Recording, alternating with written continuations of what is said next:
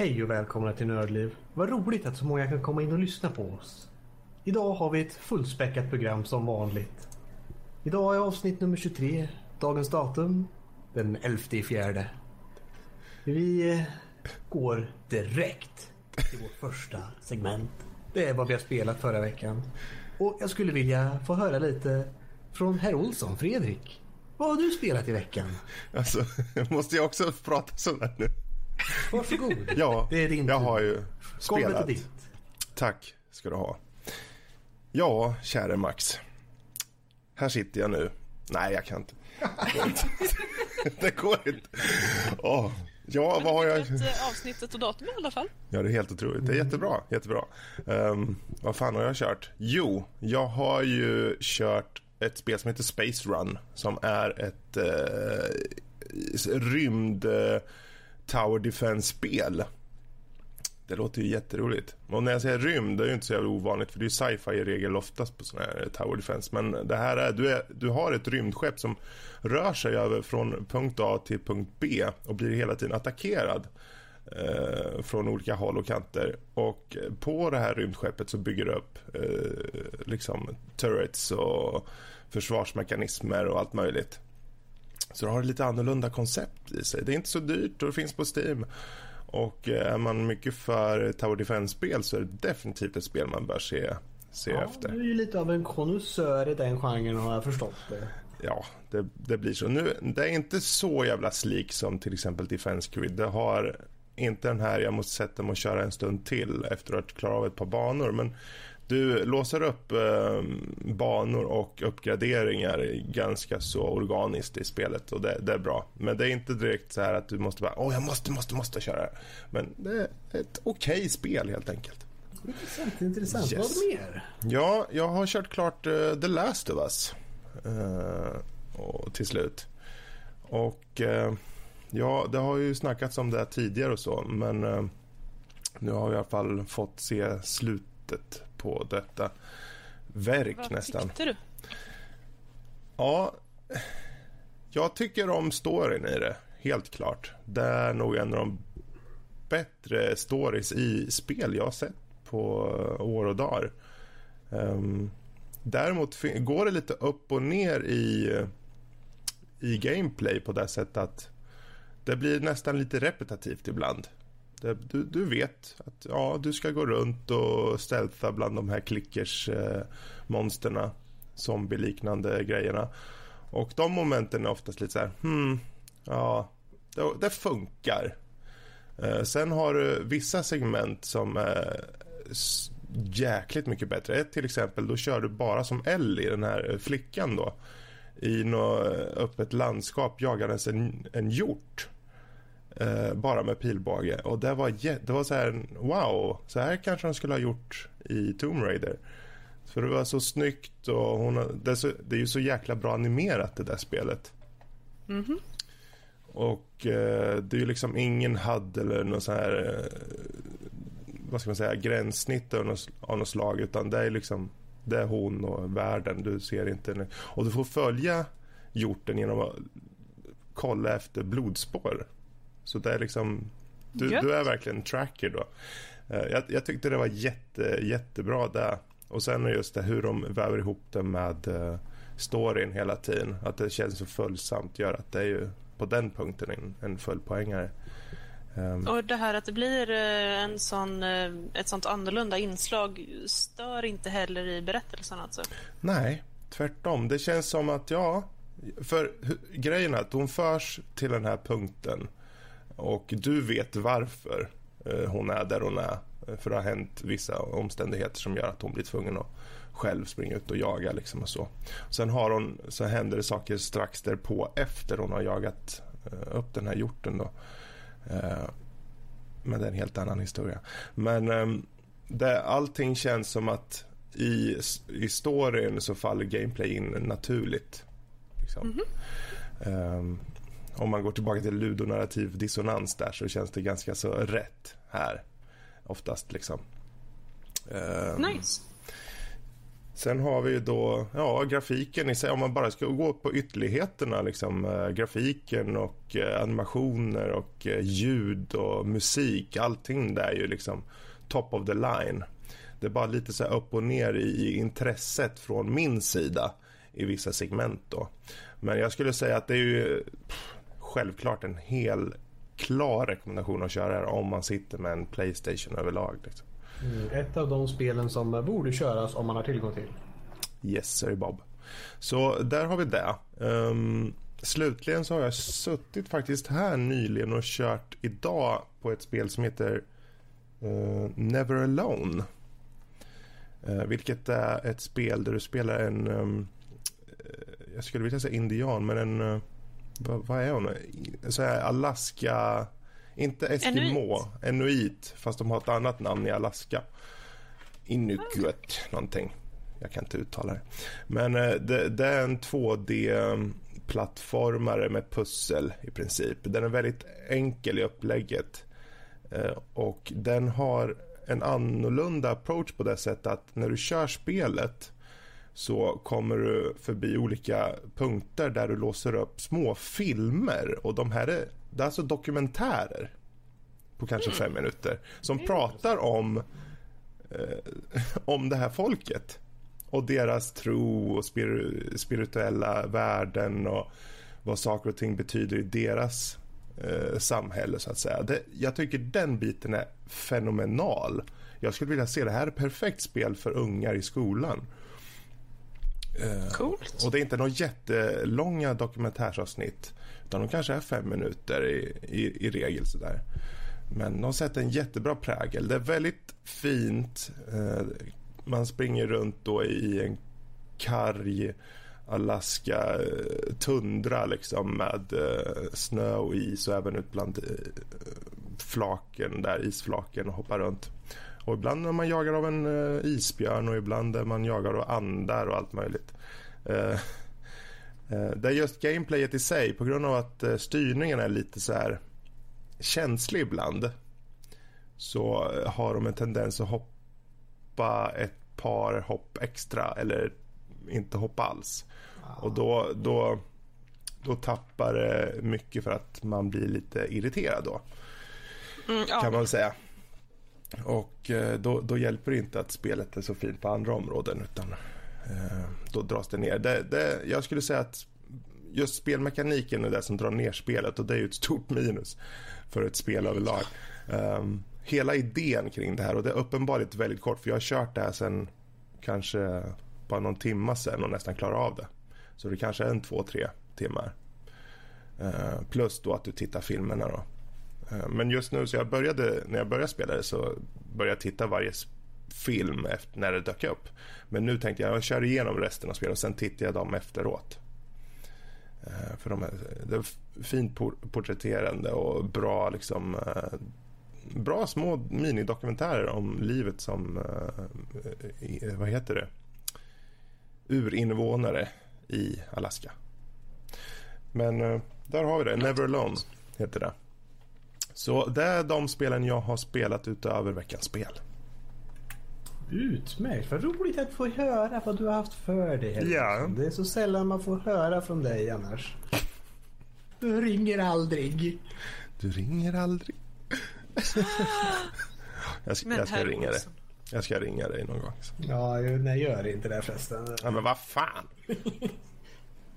Men då skulle jag vilja få höra eh, vad, vad fröken Lotta har haft för sig. Vad, vad har hon spelat för något? Oj, vad jag har gjort? Uh, jag har spelat... Jo, jag har faktiskt spelat ett Tower Defense jag också. Som, uh, som en viss herr Olsson uh, la i knät på mig. Ja, du har kört det. Jag har faktiskt aldrig kört det. Då är jag nyfiken. Jaha, ja. Byter man ut sina surt förvärvade samlarkort på Steam? Mm.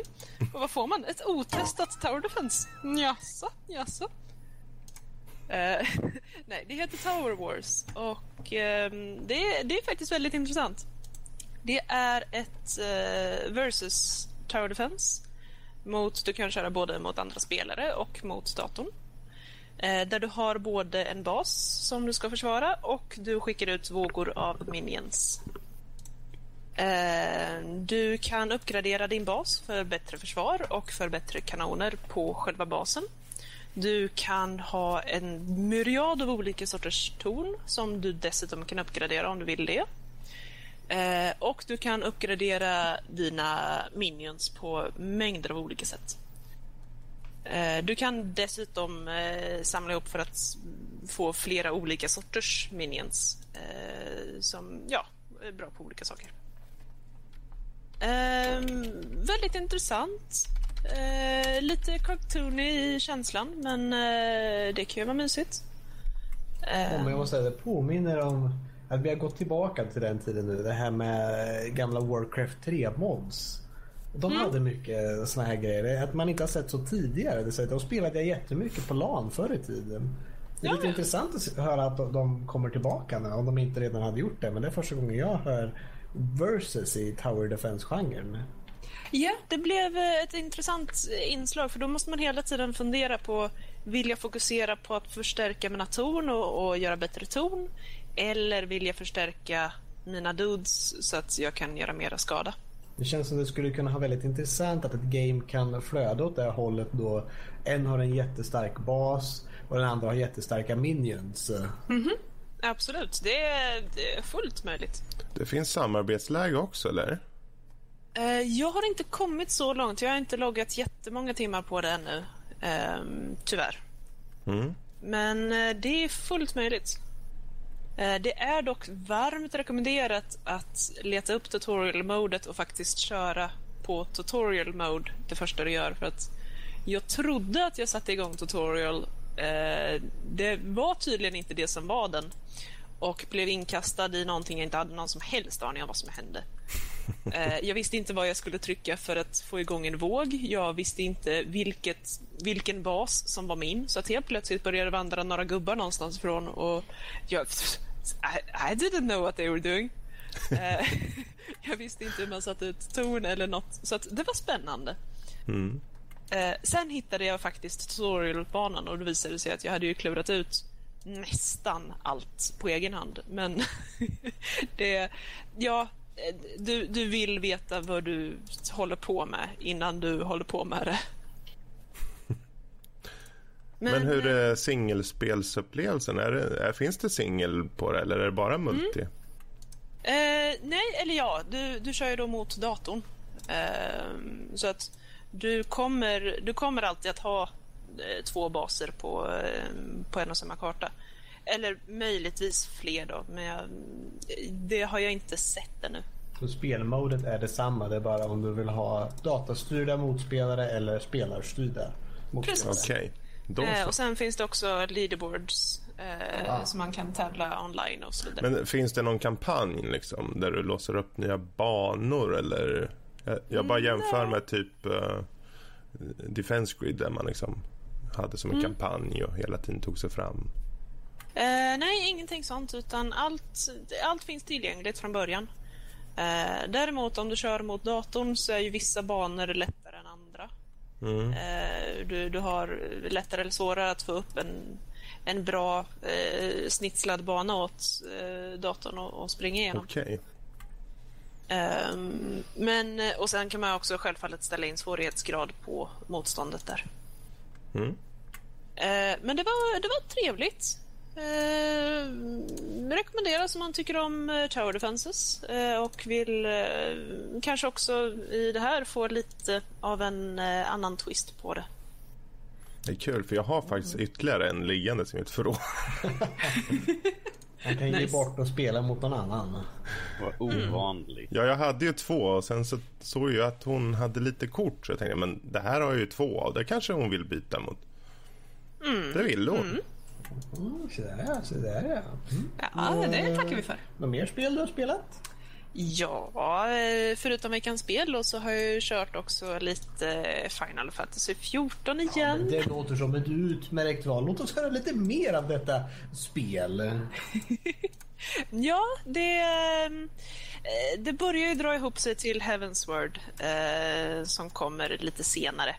Ehm, men det är inte det som jag har eh, kollat in mest i just nu utan eh, det är eh, någonting som heter ehm, The Eternal Bonding. Ehm, som är... Man basically gifter sig i spelet. Och så får man då en, bland annat då en mount som man kan rida två stycken på. Och eh, ringar som man kan använda för att teleportera till varandra. Det är mycket gulligt. Eh, och så. Men eh, ja, annars är det väl eh, det gamla vanliga höll jag på att säga. Det är fortfarande ett fantastiskt spel med, som är, fortfarande erbjuder många nya erfarenheter trots att det har ju blivit några timmar nu. Så att eh, ja, det är fortfarande rekommenderat. Ja, jo, jag kan bara hålla med. Eh, sen har jag ju slagits lite också. Ja, just det. Vi har slagits. Ja, eh, lite Dead or Alive 5 tror jag bestämt. Eh, och eh, där eh, får jag ju tyvärr fortfarande spö av Max. Men eh, jag, mm, jag ska ändra på det. Det går i den här roliga kurvan där eh, när man bara buttonmashar så har man större chans att vinna. Desto mer man börjar lära sig spelet desto mer förlorar man för att eh, man vet vad man gör för fel och försöker spela på riktigt. Man har inte tur längre. Så då är det bara träning och så blir det bättre. Mm, precis, precis. Eh, Så att eh, snart så, snart så. Jag, eh, jag kommer skryta något fantastiskt den dag jag faktiskt kan säga att jag är bättre än Max. Men den är tyvärr inte här ännu. Just nu ligger vi på av eh, tio ronder så vinner du väl en eller två beroende på karaktärer. Mm, lite så. Tyvärr. Ja, så att det är inte helt hopplöst. Nej, nej. Eh, Och det här är också i Dead or Alive 5. Eh, Ja, det, det, det blir Annan lite... statistik är i andra spel. Precis, precis. Men det är ett intressant spel i och med att du faktiskt kan kontra och blocka. Förutom när du blir critically stunned Eh, så har du möjlighet att faktiskt göra någonting när motståndaren står och boxar på dig. Mm, ja, det är verkligen det här. Det är ju inte mycket avancerade kombos för att liksom, ja nu fick jag en 50 hit kombo utan varje slag du gör nästan kan din motståndare kontra. Så att det gäller att du blandar dina slag och inte använder samma. För så kommer du slå liksom 1, 2, 3, 1, 2, 3 samma gång. Du kan göra den två gånger och sen kommer din motståndare veta att du tänker göra den och kontra den bara. Då gör det ont, tro mig. Så det är lite ett intressant roligt spel. Och det är väl, eh, ja, typ det jag har spelat. Och det, självfallet behöver inte nämnas One Finger Death Punch för mobil. As always. Mm. Ja, och Sing har jag också kört. Gissa så många olika grejer jag har kört den här veckan. Men, Som gamer. ja, gisstanes. Men, eh, ja, det är väl typ det. Ja, ja men det var ju roligt att få höra vad Lotta hade gjort. Det är roligast hittills. Nu ska vi se Danny, kan du klå det? Nej, det kan, det kan jag inte göra. Jag har varit lite... eh, Jag skulle säga fokuserat på ett och samma mer eller mindre. Jag har kört, eftersom veckans spel i Prince of Persia så tog jag, jag klarade av det ganska tidigt i veckan i tisdags, tror jag det var. Tisdags, onsdags var jag klar med spelet.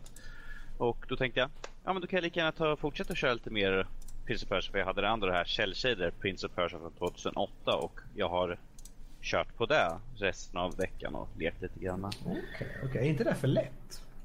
Alltså det finns ju lite mer. Det är ju det här att springa omkring och hitta massvis med lightseed. Det finns 1001 stycken man kan hitta eh, Okej. det. Är, är det någon spola tillbaka tid i det här spelet förresten? Eh, nej, du kan inte spola tillbaka till men du kan mer eller mindre inte dö från att trilla, trilla ner från någonting. För du har ju med dig hon... Uh, oh, vad hette hon för någonting? Ja, hon heter- hon, hon är lika. eh, prinsessan eller priestess vad hon nu är för någonting. Och hon, ifall man trillar ner från någonting eller blir tagen utav ett monster så kommer hon att rädda den. Så att det är ju lite förenklat på den biten. Mm. Istället för att spola tillbaka tiden så kommer hon och plockar upp en hela tiden och tar tillbaka till fast mark. Så man kommer ju en bit tillbaka för man har haft en jättelång sträcka man hoppar och klättrar och sånt där. Man bara nästan där, ah, jag missade en sak i slutet, nu får jag börja om från början igen. Kan inte hon bara hjälpa dig upp för den där sista kanten då egentligen? Ifall man är snabb och trycker det så kan hon hjälpa att förlänga ens hopp. Men ifall man inte Ja, okej. tänker på det, då är det liksom såhär, ja just det. ah, ah. Men det är såhär, ah, bärde du mig tillbaka hela vägen till början? Gud vad taskig du är. Vi är liksom en och en halv meter ifrån fast mark. But, but, eh, eh, ah, skit. Yeah, no, no. Tråkigt. Och sen i samma veva så tittar jag på den här superba Prince of Persia filmen också. Men den är väl inte superdålig, eller är den det? Jag har inte sett den på väldigt länge och jag såg den väldigt hastigt en gång. Om man ser den igen, alltså när man såg den första gången känns som att oh, wow, den är ganska sann till. Men när man tittar lite ser man bara uh, mm, nej. Och så är det liksom att de har Jake Gyllenhaal som den persiska prinsen. Man bara blåögd, fel, vit, fel. Ser verkligen inte ut som perser? Absolut inte. Eh, och plus de andra, Ben Kingsley, liksom som hans farbror. Man bara, mm, nej, nej. Och sen hans storbror Tuss, tror jag han också. Man ser man bara, vit skådespelare ska spela perser. Mm, no. De tog väl vad de fick eh, tag på. De tog vad de fick, ja men då kan... Ah, det finns hur mycket skådespelare som helst. Och hitta genuina skådespelare som faktiskt ser ut att vara från området där filmen utspelar från, från Persia. Liksom. Det är, hur svårt kan det vara egentligen? Du, de vill ha stora namn. De De måste kunna namn. sälja filmen Ja. också. Jag säger bara så här, fuck it, gör det ordentligt. Men det är min åsikt. Uh, utöver det så har det så mycket annat spelande. Uh, nu har jag spelat massvis på Prince of Persia och det andra. Så det har ju blivit mycket spelande men att det har bara blivit fokus på Prince of Persia den här veckan. Du gick verkligen all in alltså. Va? Du gick verkligen all in. Jag gick verkligen all in här så. En temavecka för Danny. Japp. Det händer inte ofta. Okej, det- något det- mer?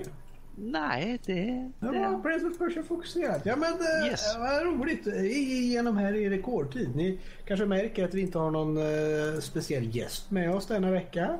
Tänkte vi har haft ett par, vi tar en paus från dem men eh, ni behöver inte oroa er. De kommer alltid att återkomma. Kanske ett par bekanta och även ett par obekanta nya, det får vi se. Men eh, vidare i dagens avsnitt så tänkte vi hoppa över till våra nyheter nu. Skulle vi höra med våra kända nyhetsankare ute på fältet. Vad, vad är det som har försiggått? Vad har hänt? Ja, här står vi då, mitt ute i börsen va. Nej, i börsen? Vad är det för, vad är det för spelnyheter ute i börsen? ja alltså om man ska vara ute på fältet då ska man fan vara ute på fältet också. Nej, nej, nej. Potatisen friterar man. Ja, nej det har, det har väl hänt på lite ditten och dattan i veckan. Men eh, det, det första som vi kan ta upp som en liten nyhet är väl uh, utannonseringen av Deus Ex Mankind Divided. Till slut kom det ut. Okej, eh, är det uppföljare på Human Revolution? Yes sir Bob. Det finns Okej, en så det är trailer samma på... karaktärer och lite Ja. samma universum i alla fall där. Precis, det utspelar sig två år efter Human Revolution. Mycket intressant. Och du är fortfarande Adam Jensen då. Så, eh, och eh, ja, det, utifrån trailern så kan jag säga för min del, ja, jippi, äntligen, vad kul det ska bli. Uh, Adam, det- I didn't ask for this, Jensen. Nu, är- visst, det är så lätt att bli hypad, bara en trailer som inte visar Ja, något gameplay. Men eh, tonen i, i, i, i trailern och hur han fightas in i den tycker jag, eh, ja, om de har hälften av det där i, i spelet så yes, yes. Ja men alltså snälla någon, jag, jag sitter ju, satt ju och fick nerdgasms inför eh, SV Tor bara av att se de trailerna. Så att, ja, jag, jag förstår det. Ja, men det är väl det. Jag vet inte, har du något att tillägga Norskis? Mm, nej, förutom att de har i alla fall nu lovat att det inte ska bli samma fuck-up som för med förra spelet med bossfighterna som de hade nu med kaninöron hyrt ut till externa källor som Nu skulle det. de hålla det internt då. Precis. Eh, Att det, och att det nu skulle vara bra så att det inte det är en sak mindre de behöver tänka på att folk kommer kritisera i alla fall. Ja, vi får se. De kan lova mycket. Men eh, vi får se. Det är skumt och det jag ser fram mest emot det här spelet är... Åh, jag vill gå och läsa små så här datalogginlägg och gå typ och titta på atmosfären. Jag hoppas ha de roliga liksom NPC-dialoger och det är det jag ser fram emot mest. Nice. Jag ser mest fram emot att snika upp bakom folk och döda dem med min eh, så här knivgrej. Ja, alla tycker vi om olika saker. Mm, vissa vill tjuvlyssna, Andra vill stäbba folk i ryggen. Ja.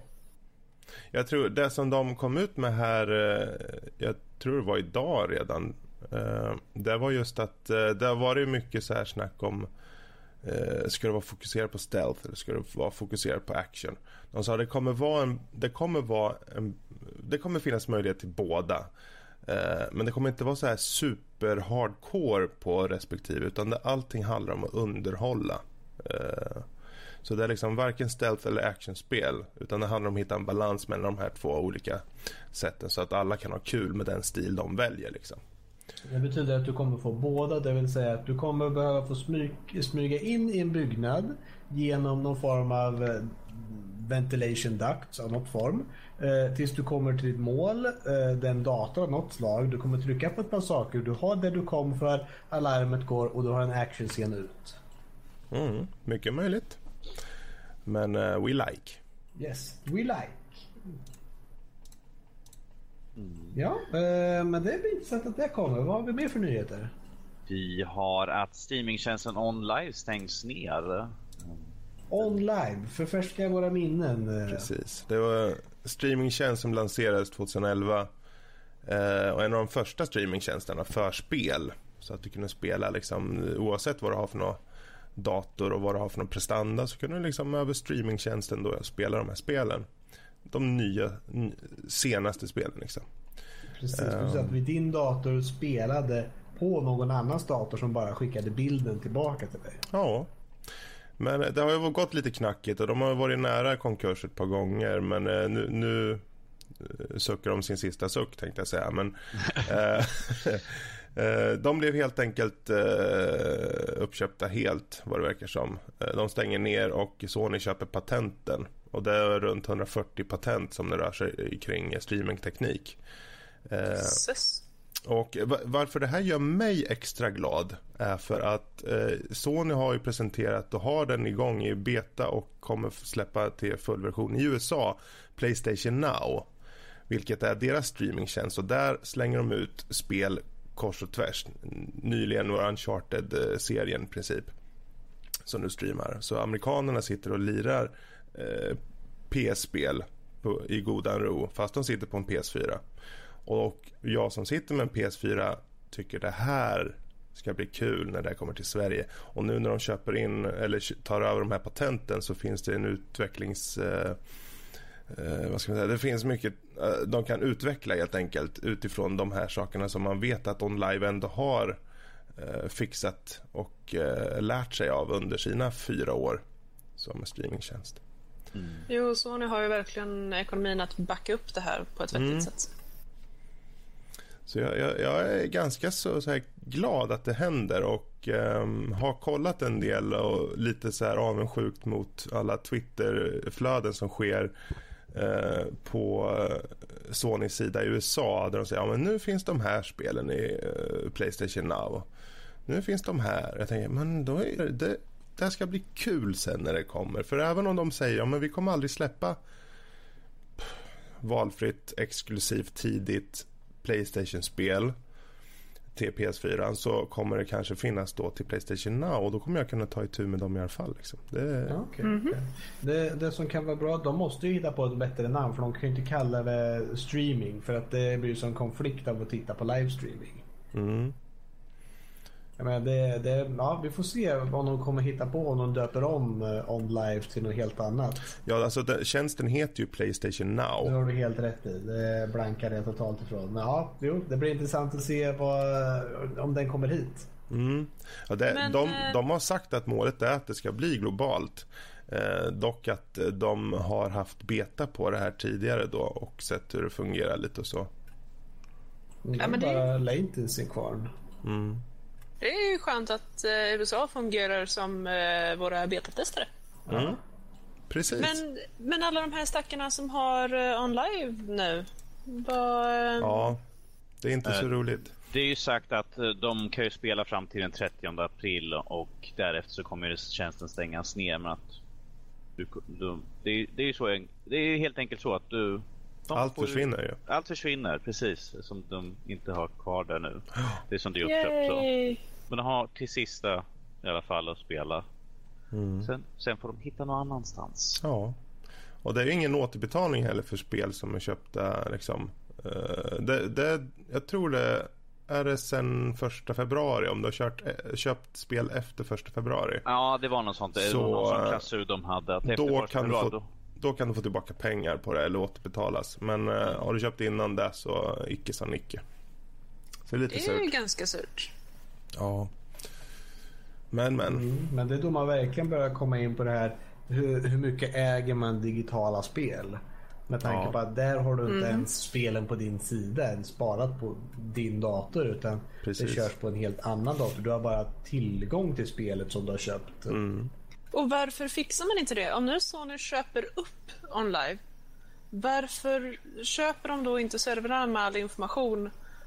Och Ja. ge- Ja, de de det köper egentligen inte möjlighet? on live. De köper bara patenten. Jag vet inte hur de... Ja, Okej.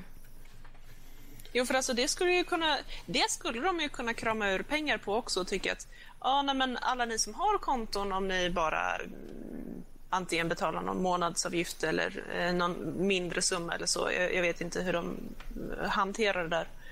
Men då, då sparar vi all data vi har på er och så får ni bara fortsätta. Men ehm, nej, är de för lata för det eller är det bara ingen som har tänkt? Jag, jag undrar, jag tror att det är så att de fokuserar på sin plattform. Det här är ju, det är ju liksom inte, jag menar det är ju en helt annan plattform. Eh, Det är ju extra moduler och sånt, mikrokonsoler och allt möjligt som man köper med, med trådlösa kontroller och så. eh, På en livesidan då.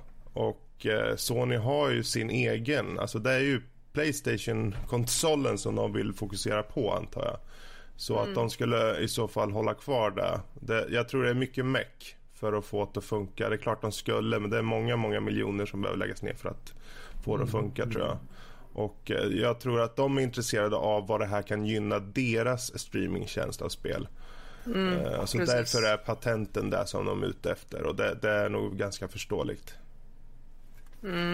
Intressant i alla fall. Uh, mer nyheter?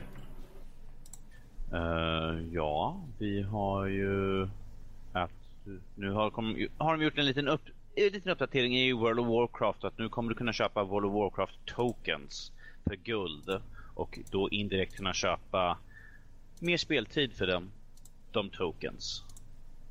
Kan du även köpa tokens för riktiga pengar? Det är inte sagt uh, ännu. Uh, eller jag, jag vet inte, var det sagt att var det, stod det att de kunde köpa för vanliga pengar? Jag har bara sett att de kunde köpa för guld, för det är det som var det nya i alla fall att de kunde köpa, men att det kan de ju säkert göra. Det skulle inte förvåna mig, pengar är pengar. Ja, precis, precis. För det känns ju som den här att ja, du kan byta den mot guld så du kan spela till the game time och du får en form av real valuta exchange. Du vet hur mycket guld är värt egentligen. Du får en standardisering till alla gold sellers eller man ska säga. Mm. Och just nu var det to... ehm, var det nu? Hade de satt något pris? Jag vet att det var någonstans 30 000 guld. Men var det, var det för en månadskostnad eller var det för tokens? Nej, det är 30 000 för 30 dagar. Det är 30 dagar, okej. Ja. Ehm, så får vi se vad det hela blir. Utan nu, eftersom det har varit så mycket tjafs med folk har farmat gold och fått riktiga pengar för och sånt där. Jo, jag menar det har ju hållit på sedan Vanilla, ärligt Mm. talat. Eh, vissa servrar eh, har fler Gold Farmers än andra. Eh, men jag menar, det här är ju ett antikt problem. Har, snälla någon, det har gjorts låtar om det här. Eh, men och också det här att eh, göra det möjligt att köpa någon form av in-game valuta för pengar eh, är ju inte heller helt eh, nytt koncept. Eh, vi pratade ju förut lite om, finns ju i Guild Wars 2. Kan du köpa gems som du också kan byta till pengar. Mm. Men här, det, här, det här kan ju vara deras sätt nu att försöka göra det lite mer lagligare. Och De- försöka, de försöka sätta lite, lite boundaries i World of Warcraft. Att folk inte leker runt och är idioter. Precis, för att problemet med gold sellers, man kan tycka att, ja men vadå, om folk vill kasta riktiga pengar på att kunna köpa grejer, fine, låt dem. Men problemet är att det här sätter ju den interna ekonomin helt ur balans. Eh, I och med att du har ett in-game auction house där du kan byta och sälja eh, föremål med andra spelare. Om du då har möjlighet att eh, köpa guld av en gold seller eh, så kan du flöda marknaden med mängder och mängder av pengar och höja priset och, och så vidare. Och sen blir det galet för de som inte använder den här tjänsten. Nu kan de tycka att nej men det, det är vi som gör det och sätta åtminstone några av de här goldsellerserna ur eh, business. Jag får det lite mer kontrollerat. Om man nu inte lyckas eh, hitta ett fantastiskt vackert kryphål där man istället bara kan bli en goldseller fast tekniskt sett jobba åt Blizzard. Mm. Men vi får se hur det implementeras. Ja, vi får höra mer lite hur, eh, hur allting utspelar sig efteråt när det här väl har gått trätt i kraft om man säger så och vi får eh, se det användas ett litet tag. Är det något eh, kritiskt som sker så tror jag att vi får nog en nyhet på det. Mm. Ja, eh, har vi några fler nyheter eller var det allt? Det var det vi hade den här veckan. That's Så- it. Och det Så vi kände att det var intressant. Nyheter. Gud vad roligt. Vad, vad visa vi har blivit. Jag känner att vi har lärt oss någonting idag. Jag är glad det här segmentet. Du är som en liten gubbe. Du har som en inre gubbe som du vill liksom få ut på något sätt. Det känns som det. Absolut. Jag har en hel vas med purjolökar står bakom. Ja. Välkommen. Ja, jag förstår. Jag gissar Galenskaparna. Du gissar bra. Excellent. Men då lämnar vi våra glada spelnyheter bland annat och eh, går till veckans spelgenomgång. Eh, och veckans spel den här veckan var ju Prince of Persia, Forgotten Sands. Vilket var ett spel som jag inte visste fanns. Jag kände att ja, men Prince of Persia-serien, det är de här eh, tre stycken, trilogin och sen så kom ju det här 2008-spelet så fanns det ännu ett nytt spel som hade gjort och tänkte jag, säg inte att det är baserat på filmen men ja, det var sin egen också. Så det är något de rebootar konstant den där Prince of Persia. Men vi kan ju ta och eh, fråga lite folket här vad de eh, tyckte om spelet, hur, hur deras lilla eh, erfarenhet med var och om de har spelat de tidigare spelen. Men jag hoppar till herr Olsson igen. Jag vill fråga dig, vad, vad, vad tycker du om den här persiska prinsen och hans Ja. sandäventyr i lådan? Ja, jag... Okej, jag säger så här då. Jag kan, jag kan dra en liten beskrivning av spelet för de som kanske mot förmodan inte har hört talas eller spelat Det låter som ett lite. utmärkt idé. Um, Prince of Persia The Forgotten Sands som det då heter. Det är ju då actionäventyr kan man säga där du med hjälp av den här kära lilla prinsen skulle ta fram genom ett, ja, ett plattformsspel där just akrobatik är ledstjärnan. Eh, och eh, tillsammans med pusselmoment då. Det finns stunder av action liksom och då, då får du med, med prinsens hjälp liksom hoppa och studsa och snurra och springa och svinga med svärdet. Eh, ta koll på monster och annat oknytt. Um, man, man kan säga att det, det, för min del, jag tycker att um, fightingen är ganska simplistisk. Uh, men den är gjord först och främst för att vara underhållande kan jag tro. Uh, och deras fokus är just på det här med hoppa runt och uh, lösa pussel.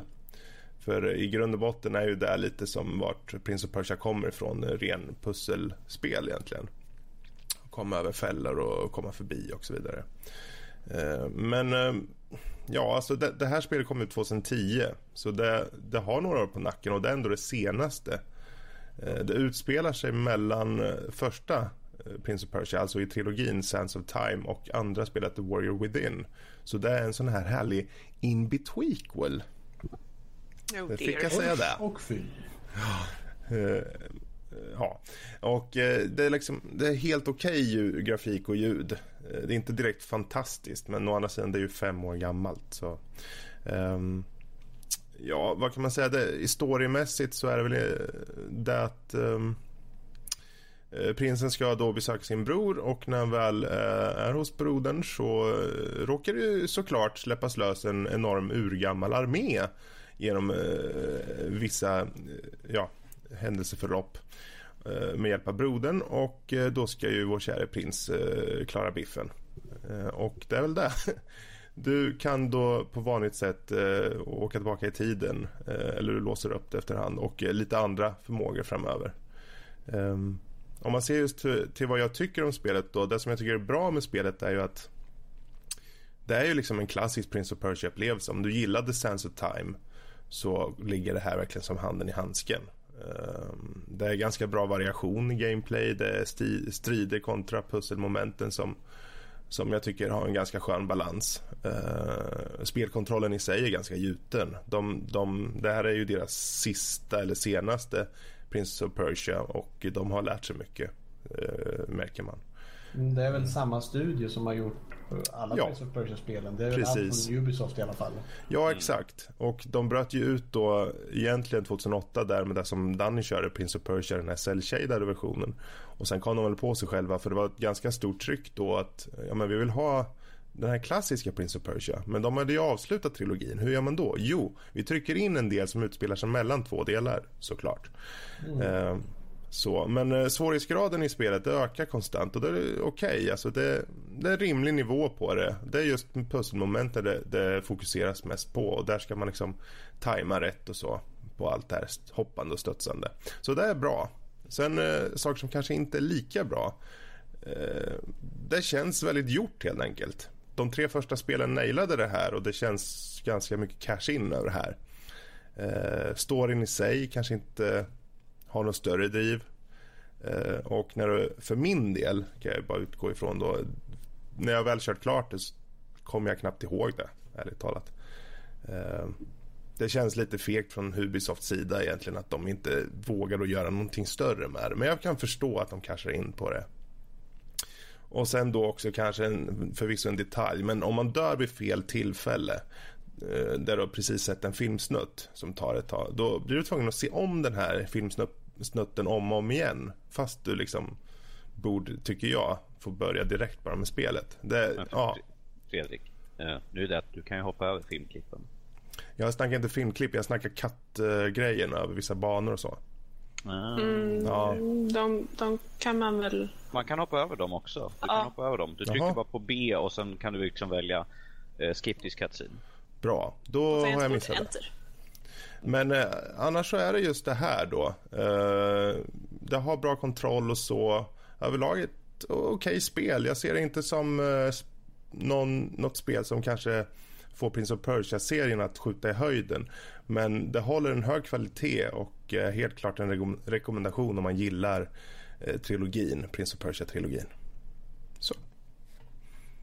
Mycket visa ord av herr Olsson. Vi tackar han och eh, lämnar golvet till eh, Lotta. Vi, vi vill höra lite från dig. Hur, är din upplevelse med detta spel? För som jag förstår det så har du inte spelat Prince of Persia-trilogin och kommer med det här som ditt första Prince of Persia-spel. Precis, eh, herr Löfström. Eh, detta stämmer utmärkt. Eh, nej, usch, orkar okay. um, ehm, det är, jag, jag, tycker mycket om det. Uh, som sagt, jag har inte kört något eh, uh, Prince of Persia-spel tidigare. Um, men det är... För det första tycker jag att det, det ser helt okej okay ut. Uh, okej, okay, visst, det märks att det har ett par år på nacken, men det, det ser fortfarande okej ut. Um, jag tycker om pusselspel.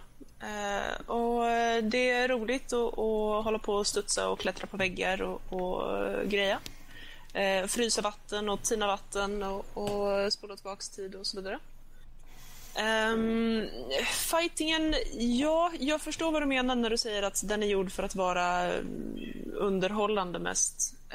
Um, man, man kan ju lära sig olika förmågor då som underlättar strider. Eh, lämna eldspår och, och skjuta is och, och, vind och grejer.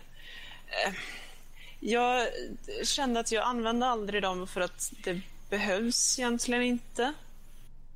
Jag menar, du har, du har dina slag som eh, basically stannar motståndaren en liten stund. Du skickar tillbaka dem, du har en liten knockback. De tar tre evigheter på sig att landa ett slag och när de väl försöker så har du redan mosat deras kompis så långt mot andra väggen att du är utom räckhåll. Ehm, men ja, det ser väldigt coolt ut. Ehm, man känner sig lite episk. Ehm, det är små roliga saker. Man kan springa runt och leta efter eh, gömda sarkofager lite överallt. De är jättegömda, jättesvåra att få tag på vad jag förstår. Du, bara för att de två jag visade dig var i vägen när man skulle försöka ta sig vidare på banan så betyder det inte att alla är såna.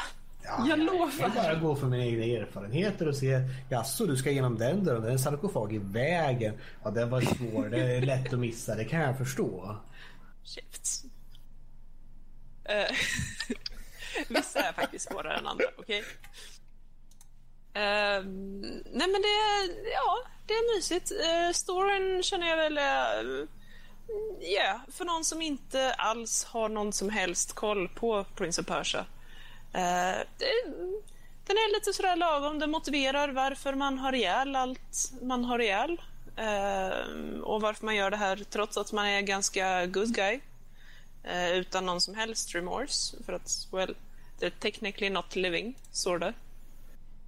Um, och uh, ja, det, själva spelet i sig, det är inte jättekrävande för att vara ett hyfsat modernt spel.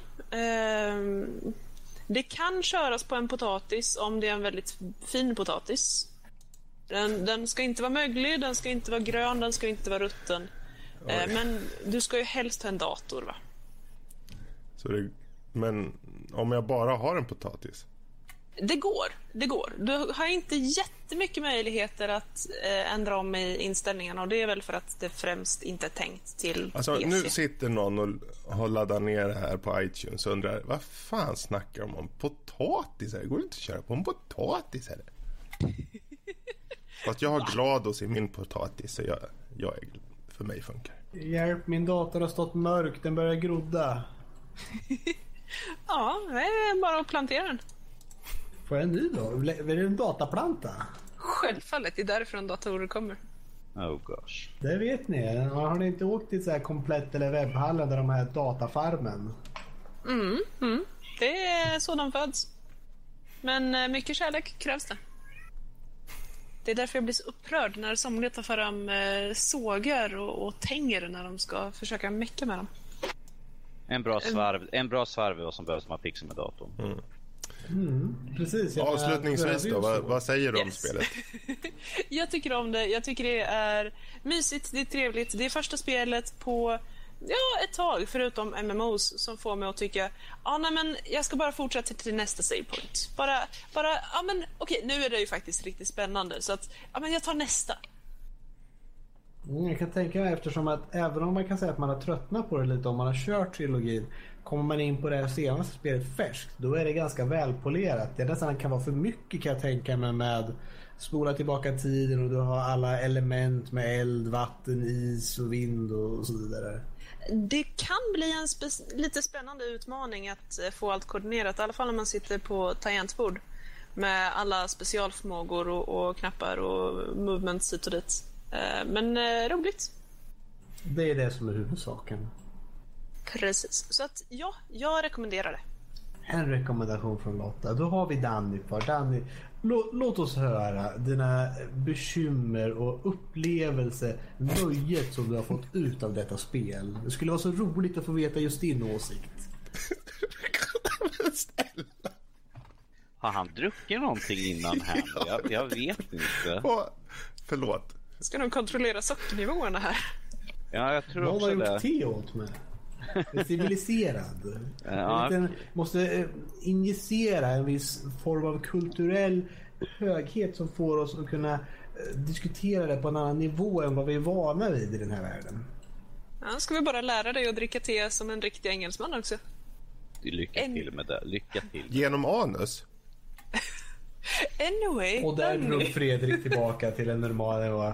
Ja men Danny, vad, Danny? Hur, vad tyckte du om spelet?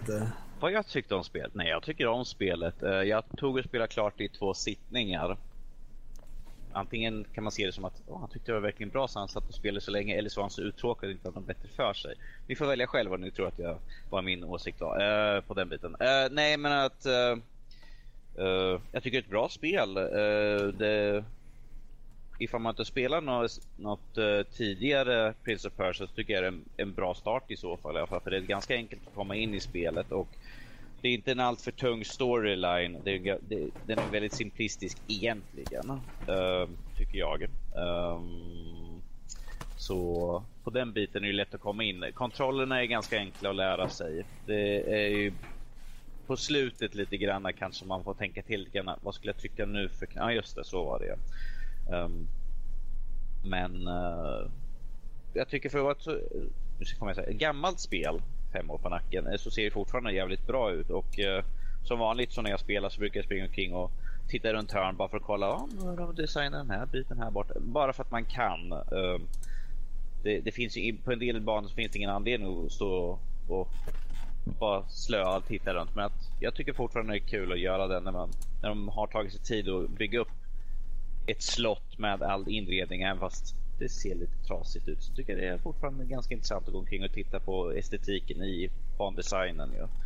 Sen Ehm, måste man ju dessutom testa om det är så att man kan hoppa ner från den här balkongen då. Nej, okej. Nej. Nej, jag vet att det går inte för de flesta balkongerna. Jag har redan testat. Jag också.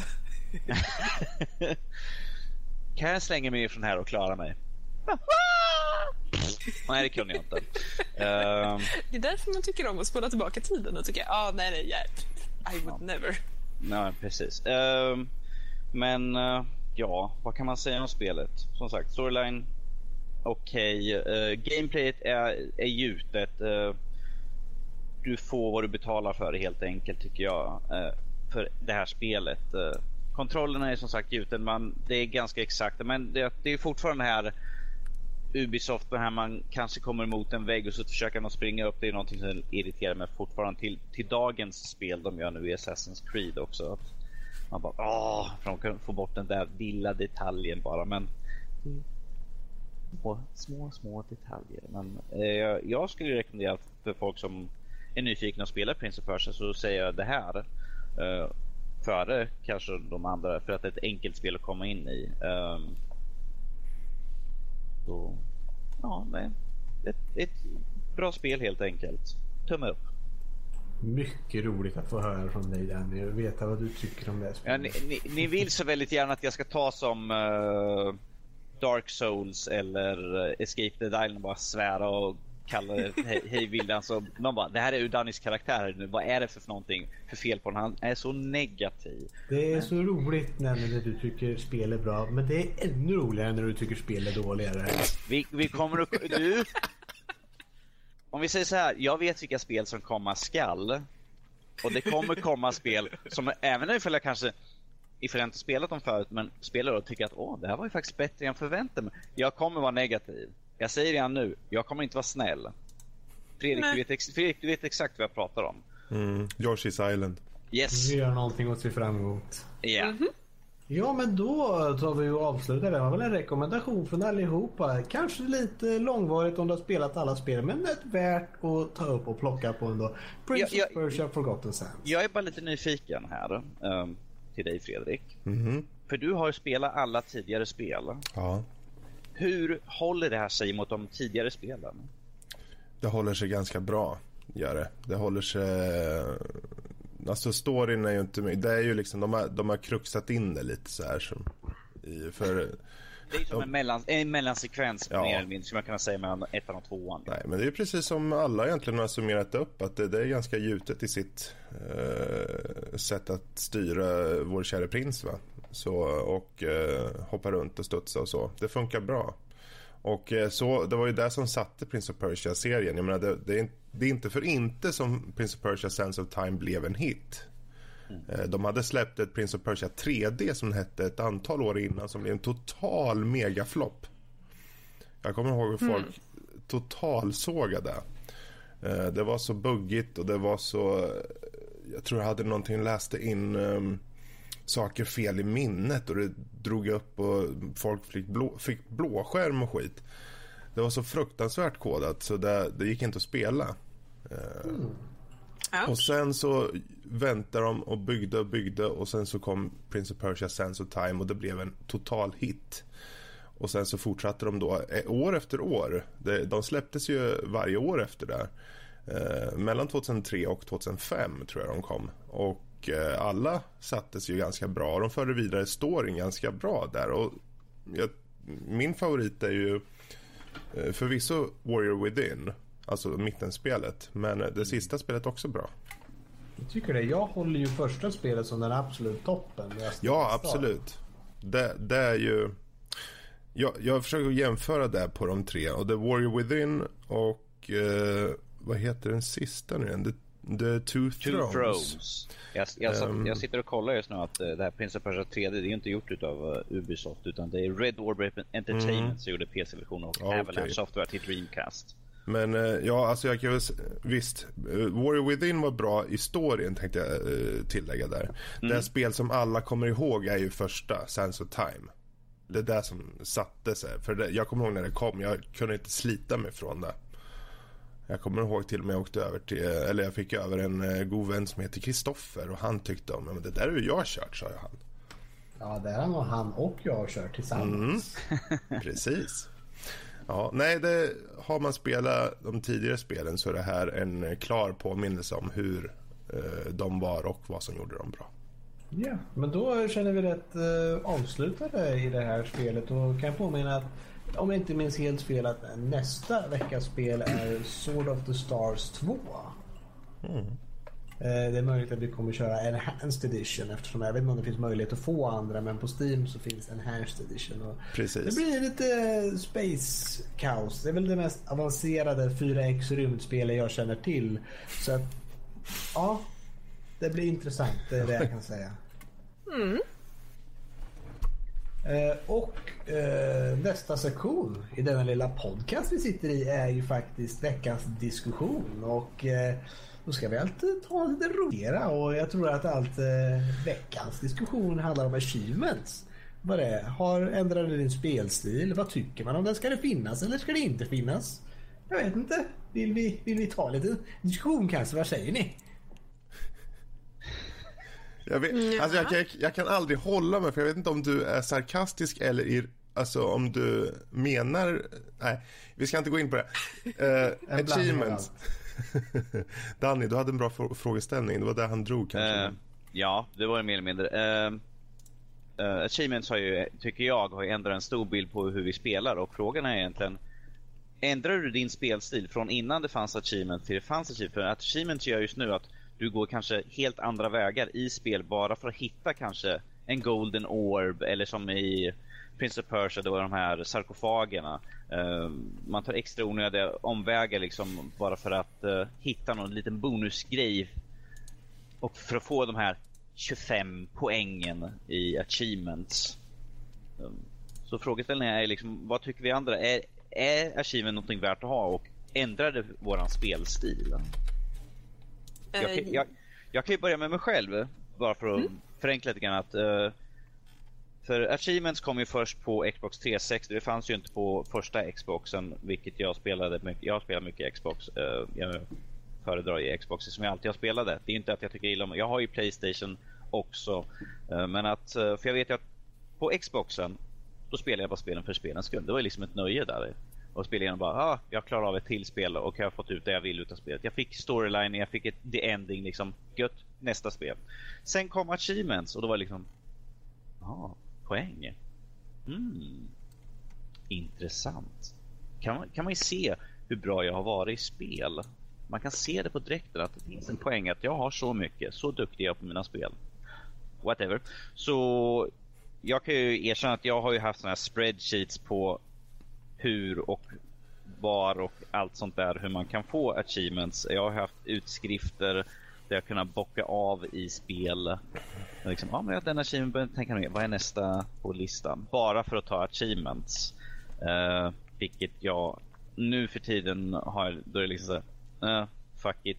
ifall jag tar grejer så är det liksom för att de kommer i spelet och jag kan inte undvika dem. Uh, som till exempel, du har klarat av en bana, grattis här får du 25 poäng. Um, sådana achievements är jag helt okej okay med. Uh, jag, är inte, jag känner att det är att springa runt och fast jag gör det fortfarande för att det är lite svårt. För jag vill ju få ut maximalt av spelet. Så det är liksom så här, ah, ja men där borta finns någonting jag kan hämta. Men då kan jag samtidigt kolla hur de har, vad de har gjort där borta på banan. Så här. Mm, det väger lite grann här. Nyfikenhet och, och att uh, kolla runt på bandesign och sånt och samtidigt jag kan plocka upp den med sig och kika runt. Så. En liten mm. ursäkt för att utforska helt enkelt. Ja, precis. Men att uh, utöver det så känner jag att det tar bort för mycket från själva gameplayet. Att man sitter så här, oh, man går in och kollar vad finns för achievements. Oh, Okej, okay, på den där så kan jag gå och göra så. Istället för att liksom köra spelet. Att man är mer fokuserad mm. på achievements än, än själva gameplayet och liksom vad, vad storylinen är. Liksom. Ja, men det har ju skapat en hel ny spelartyp i de här som kallar sig completionists. Mm. De som ska göra total completion eh, på spelen liksom. Mm. Jo, men den, Lotta den... har ju en intressant frågeställning på den där. Ja. Ja, precis. För att jag, jag har kallat mig själv completionist, äh, completionist för väldigt, väldigt länge sedan. Just för att jag ville göra allt som fanns att göra i ett spel innan achievements blev en grej. Uh, nu däremot så jag, jag särskiljer på completionist och uh, achievement hunter. Att en achievement hunter är en sån person som anser att när jag har alla achievements för ett spel då har jag completat det helt. Då är jag 100% det. Ehm, um, Medan jag ärligt talat inte bryr mig ett vitten om vilka achievements det är. Uh, det, jag, jag, vill uppleva hela spelet. Uh, och den, uh, den skillnaden tycker jag är intressant och den blir olika stor beroende på vad det är för spel naturligtvis. Ehm, men eh, personligen så är jag nog en av de här få som inte... Jag har egentligen inte ändrat spelstil jättemycket. Jag, eh, jag satt och spelade väldigt mycket WoW eh, när eh, Achievements blev stort i min föreställningsvärld. Eh, och då hade jag ju redan samlat på mig alla mounts jag kunde lägga vantarna på, alla minions. Jag hade alla cooking-recept jag kunde lära mig, alla alchemy-recept. Eh, och så vidare för att jag ville det. Och sen helt plötsligt så fick jag mängder med poäng som bara trillade in när de satte igång achievement-systemet.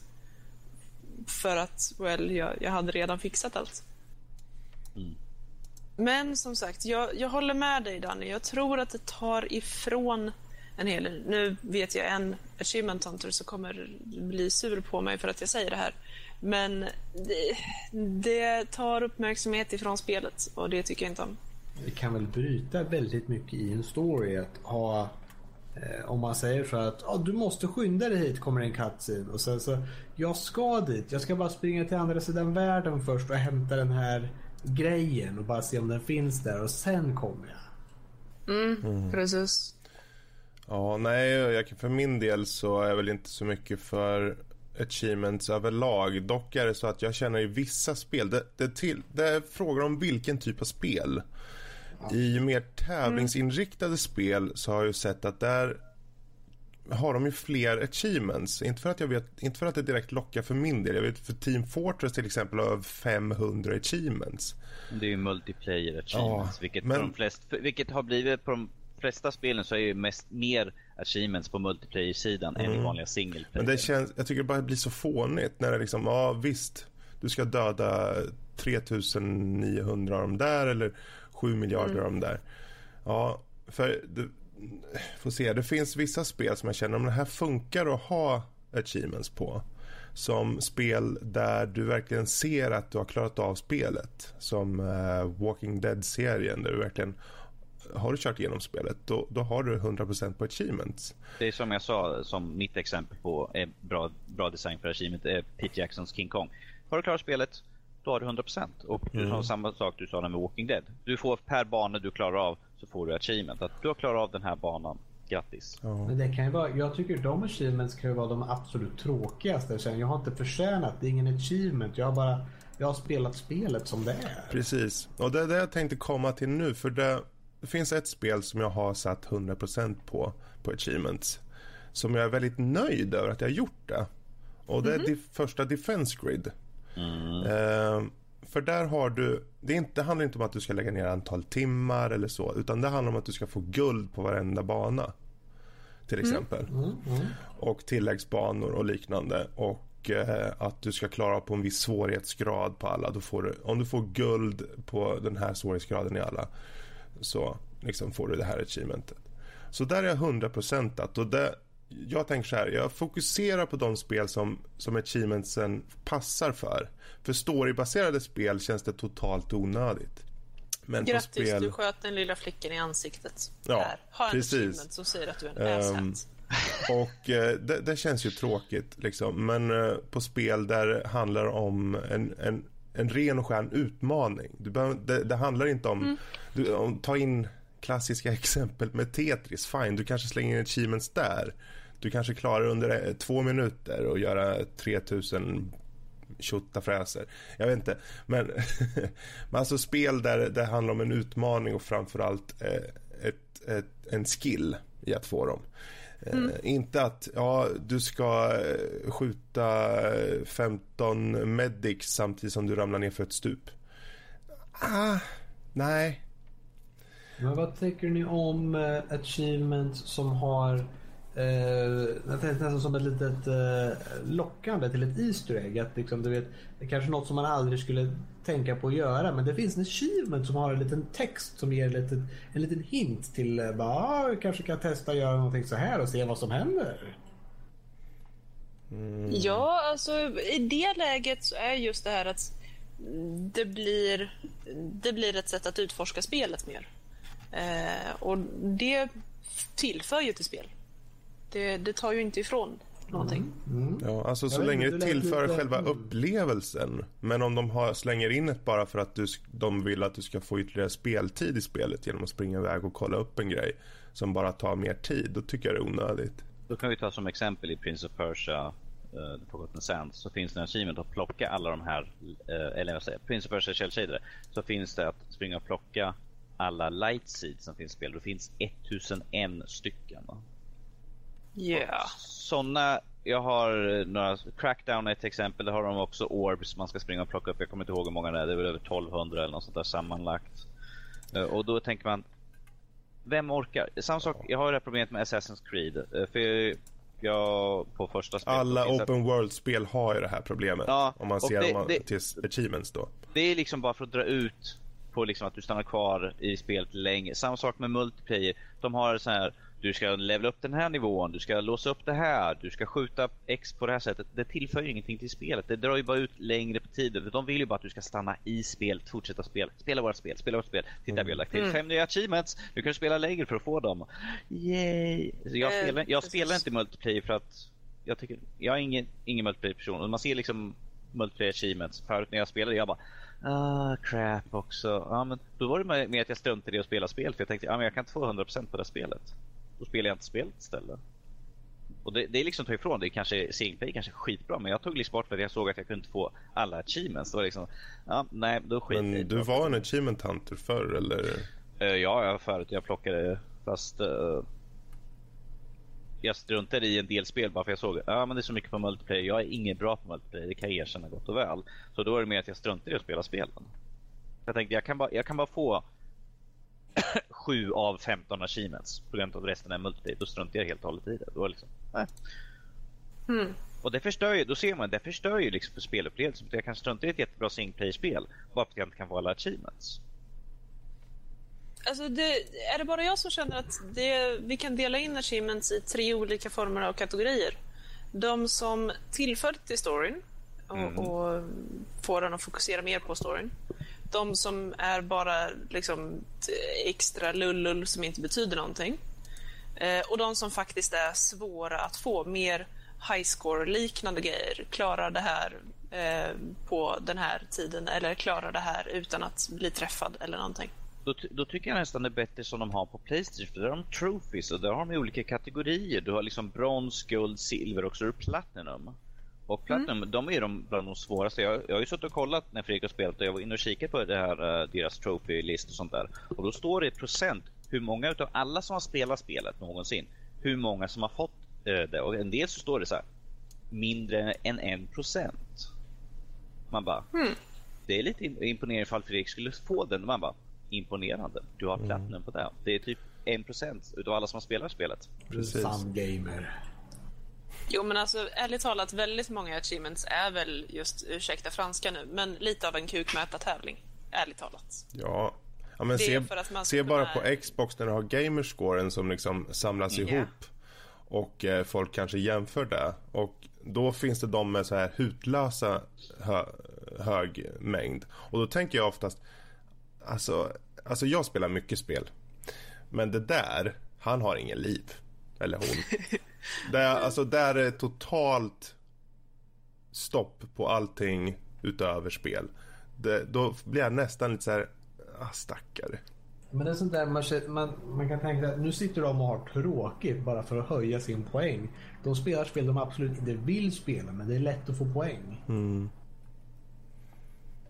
Ja, men eh, visst, om det är så att man är en achievement hunter och verkligen sätter en stolthet i det här att ja, men jag skaffar alla achievements för alla spel jag spelar och sen försöker jag få så många spel som möjligt på det här sättet. Eh, och faktiskt får ut glädje av det här, faktisk glädje. Så att det här övervinner alla de hundra timmarna av grind och spel du egentligen inte är intresserad av. Ja, visst. Whatever floats your. Men... Jag, jag, tror, jag tror faktiskt det är en fråga om ålder där. Om jag ska vara så krass. Att ju, ju yngre du är desto lättare har. För när jag kom i min ålder. Med barn och ungar. Alltså jag, den tid jag lägger ner på spel. Den väljer jag. jag. Jag tänker att nu ska jag spela här och då, då, då går jag in för det. Och fokuserar på det liksom. Jag har inte tid. Jag har inte så mycket tid till att spela. Så när jag väl ska det, då, då spelar jag för spelets skull.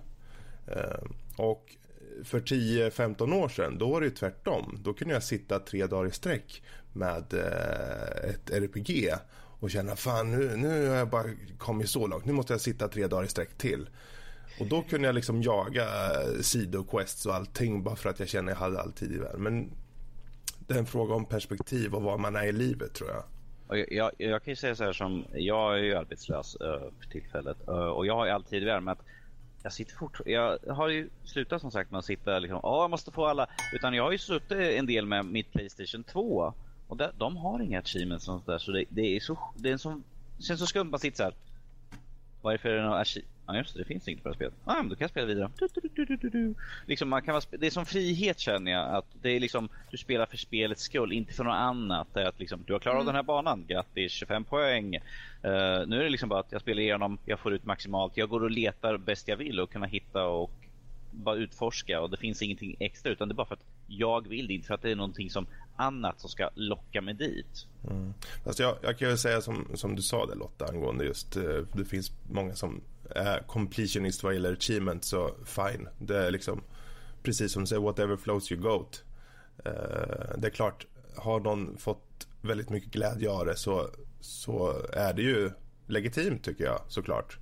Glädje är ju glädje. Ehm, jag tror bara att de kommer ändra sig och gör de inte det då kommer de fortfarande sitta vid 40 års ålder spela spel ensamma i en skrubb.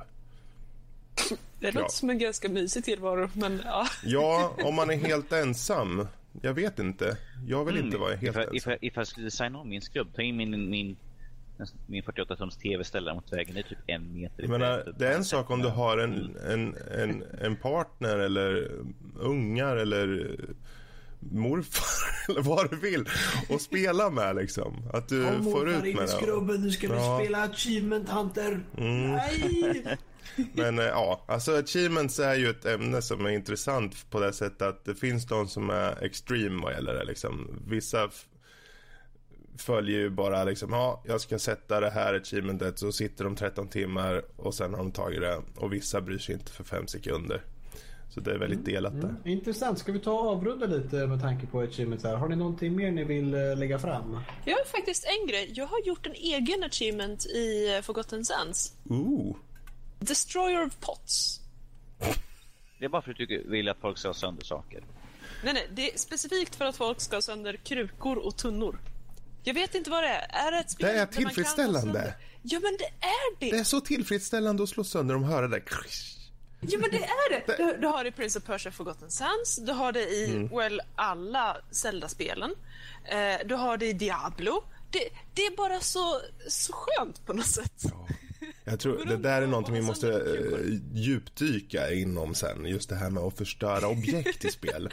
För jag tycker om just när man förstör stora stenblock och grejer bara. Så att bara... Ah, Okej, okej. Och så blir det damm. Ja, men det är coolt. Nu vart det- Nu hoppar vi in på ett väldigt konstigt Ja, spår jo, här. jag känner att vi har, vi har en annan eh, djupgående diskussion där som krävs utforskas. Men, Ja, men jag, jag tycker vi inför en eh, officiell uh, nördliv achievement i Forgotten Sands. Destroyer of Pots. Okej. Du måste ha sönder alla krukor och tunnor i hela spelet. Så alla er som lyssnar nu, kör en total ge, eh, genomplay på, eller vilken svengelska där. En hel let's play på uh, Forgotten Sands och där ni spelar in då på Twitch eller vad fan ni vill. Och visa upp att ni gör det. Då, då skickar jag en, ett spel till er. Då får ni ett spel av mig. Ja, det var ordentligt. Oj, det är faktiskt belöning för achievement. Bara mejla in till oss på info.nordlivpodcast.se och säg här har ni ett klipp. Och så kommer jag säkerligen titta igenom alla 15 timmar och fan det är för någonting det krävs. Självfallet. Och eh, sen så kommer jag skicka ett spel. Jag Och så kan lovar. vi skriva på hemsidan att eh, den här personen har fått achievementen Destroyer of Pots. Yes. Ja, men då, I dare you. Då tar vi och lämnar vår diskussion här och eh, går in till eh, nästa segmentet som är våra eventuella extra lilla nördlivsämnen här. Jag tror allt att någon har sett en liten, eh, liten eh, våghals. En våghals ja. En riktig daredevil. Ja. Igår på Netflix släpptes uh, Daredevil. 13 avsnitt av Marvels uh, rödaktige hjälte. Och jag har sett igenom hela och Danny har sett halva säsongen. Ehm, ja, vad kan man säga om... Du kan väl dra lite om premissen Danny? Eh, premissen är ju mer eller mindre hans eh, uppgång eh, till att hans fight emot Kingpin om vi säger så nu här och eh, hans val av hur han gör sitt sitt eh, Ska man kalla det ett jobb eller hobby? Jag, vet, inte, jag kan inte säga bestämma vad han Han ska är ju en, eh, En vigilante. vigilante, Mm. Ehm, och han, är, han är ute för att rädda sin stad från, ja, i det här fallet, som alltid genom serien, så Kingpin som är the bad guy. Eller William Fish som han heter också. Ehm, och det är lite grann hur han byter sitt nattjobb med sitt dagjobb som ny advokat och liksom försöka få det att gå ihop. och båda flyter ihop lite grann. Att han tar ifrån båda delarna. Att det han lär under dagarna det är ju någonting han kan utnyttja på kvällarna när han är ute på, sitt, på sin lilla hobby. Precis. Ehm, men jag får hålla med dig Fredrik. den ja, hob- det är ju- man får säga hobby. Jag får hålla med dig Fredrik att den är, den är väldigt brutal efter de delar jag har sett i alla fall. Uh, den, är- den är ju inte som eh, den superusla filmen Jag måste bara vänta. Hobby, jag håller med dig. Hans mission liksom. Hans mål i livet då. Ja, i princip. Aha. Hell's Kitchen som är den delen han eh, bor i och den som han vill rädda först och främst från Mm. Wilson Fisk är ju det som det går ut på då. Men eh, ja, vad, vad sa du där? Det var brutal. Den är väldigt brutal. Det är inte någon sån här eh, puttinutt uh, uh, serie direkt utan den är ju ganska, den är ju väldigt mörk och rå. eh, den är ju inte, Den är alltså inte gullig. den är inte gullig nej och den, eh, om vi säger så här, våldet är ju berättigat i den att det är mer, lite mer realistiskt att så här skulle folk vara. Det är ju inte det här liksom du, som Fredrik tog exempel när han berättade om den. Där liksom, du slår en snubbe, han trillar omkull och ligger bara här, De här bankar skiten ur varandra och man ser ben som sticker ut till exempel och eh, så übervåldsamt ibland. Man bara okej. Alltså det är ju hypervåldsamt på det sättet att du ser verkan av eh, slag och sparkar. Mhm. På det sättet är det våldsamt och det är ju egentligen mer realistiskt än, än att det är übervåldsamt. Um, så, och det, det bryter ju ut ganska mycket mot de övriga Marvel-serierna. Eh, ganska rejält faktiskt. Där det är i Agents of Shield lite nästan glättigt tycker jag i jämförelse. Och eh, Agent Carter som gick också som en limiterad serie i 40-talet. Den, den, den blir ju i jämförelse ganska puttinuttig. Mm. Eh, Men här, det, det är ju inte... Man ser inte serien för att den är rå, utan man ser den för hur Matt Murdock, som han heter då, eh, utvecklas till att bli Daredevil. För han börjar inte direkt ut med den här klassiska röda dräkten, utan... Eh, Han, har, han har som sagt, det är Frank Miller som den här serien är baserad på och i Frank Miller så har han liksom svarta kläder och som en en liten mas en mask över huvudet, det är som en huva han har. mm, Um, och jag tycker det är skönt att, det inte, att de inte kör någon sån här Batman-stuk, han pratar I'm Batman, utan han pratar liksom som vanlig person utan inte förvränger rösten som det hade liksom förlöjligat hela skiten. vad tycker du hittills då? Jag tycker den är riktigt bra. Eh, Jag tycker också om eh, designen på det hela eh, och det att de också har gjort en, en, sån en liten sak att hans glasögon han har på sig, hans solglasögon är ju faktiskt röda. Precis som de var i serietidningarna, vilket jag tycker är en liten en, en sån här liten sak som tillför, men folk bara tänker att ja, men det, han, är blind, han är blind, han har på sig liksom solglasögon bara för att so what? Men liksom att det är en sån liten bit, det är liksom för en annan som har läst lite där, det tycker att ah, kul, kul, kul liten grej de lade till där. Eh, men att eh, de delar jag sett än så länge att det är ju de bygger ju ganska bra på allting. Allt han lär sig och alla karaktärer liksom byggs hela tiden. Eh, Kingpin såg man ju inte så mycket i början. Det var liksom bara ett namn som viskades eh, och sen fick man ju träffa på honom och att han är ja, så illa som ryktena är. Eh, de, det, det byggs upp ganska bra som sagt. Eh, I början, det är inte så mycket spoiler egentligen, det är sånt som man kommer få i första delen. Att ingen, ingen säger hans namn. Liksom, alla är så rädda för honom att de törs inte ens viska hans namn.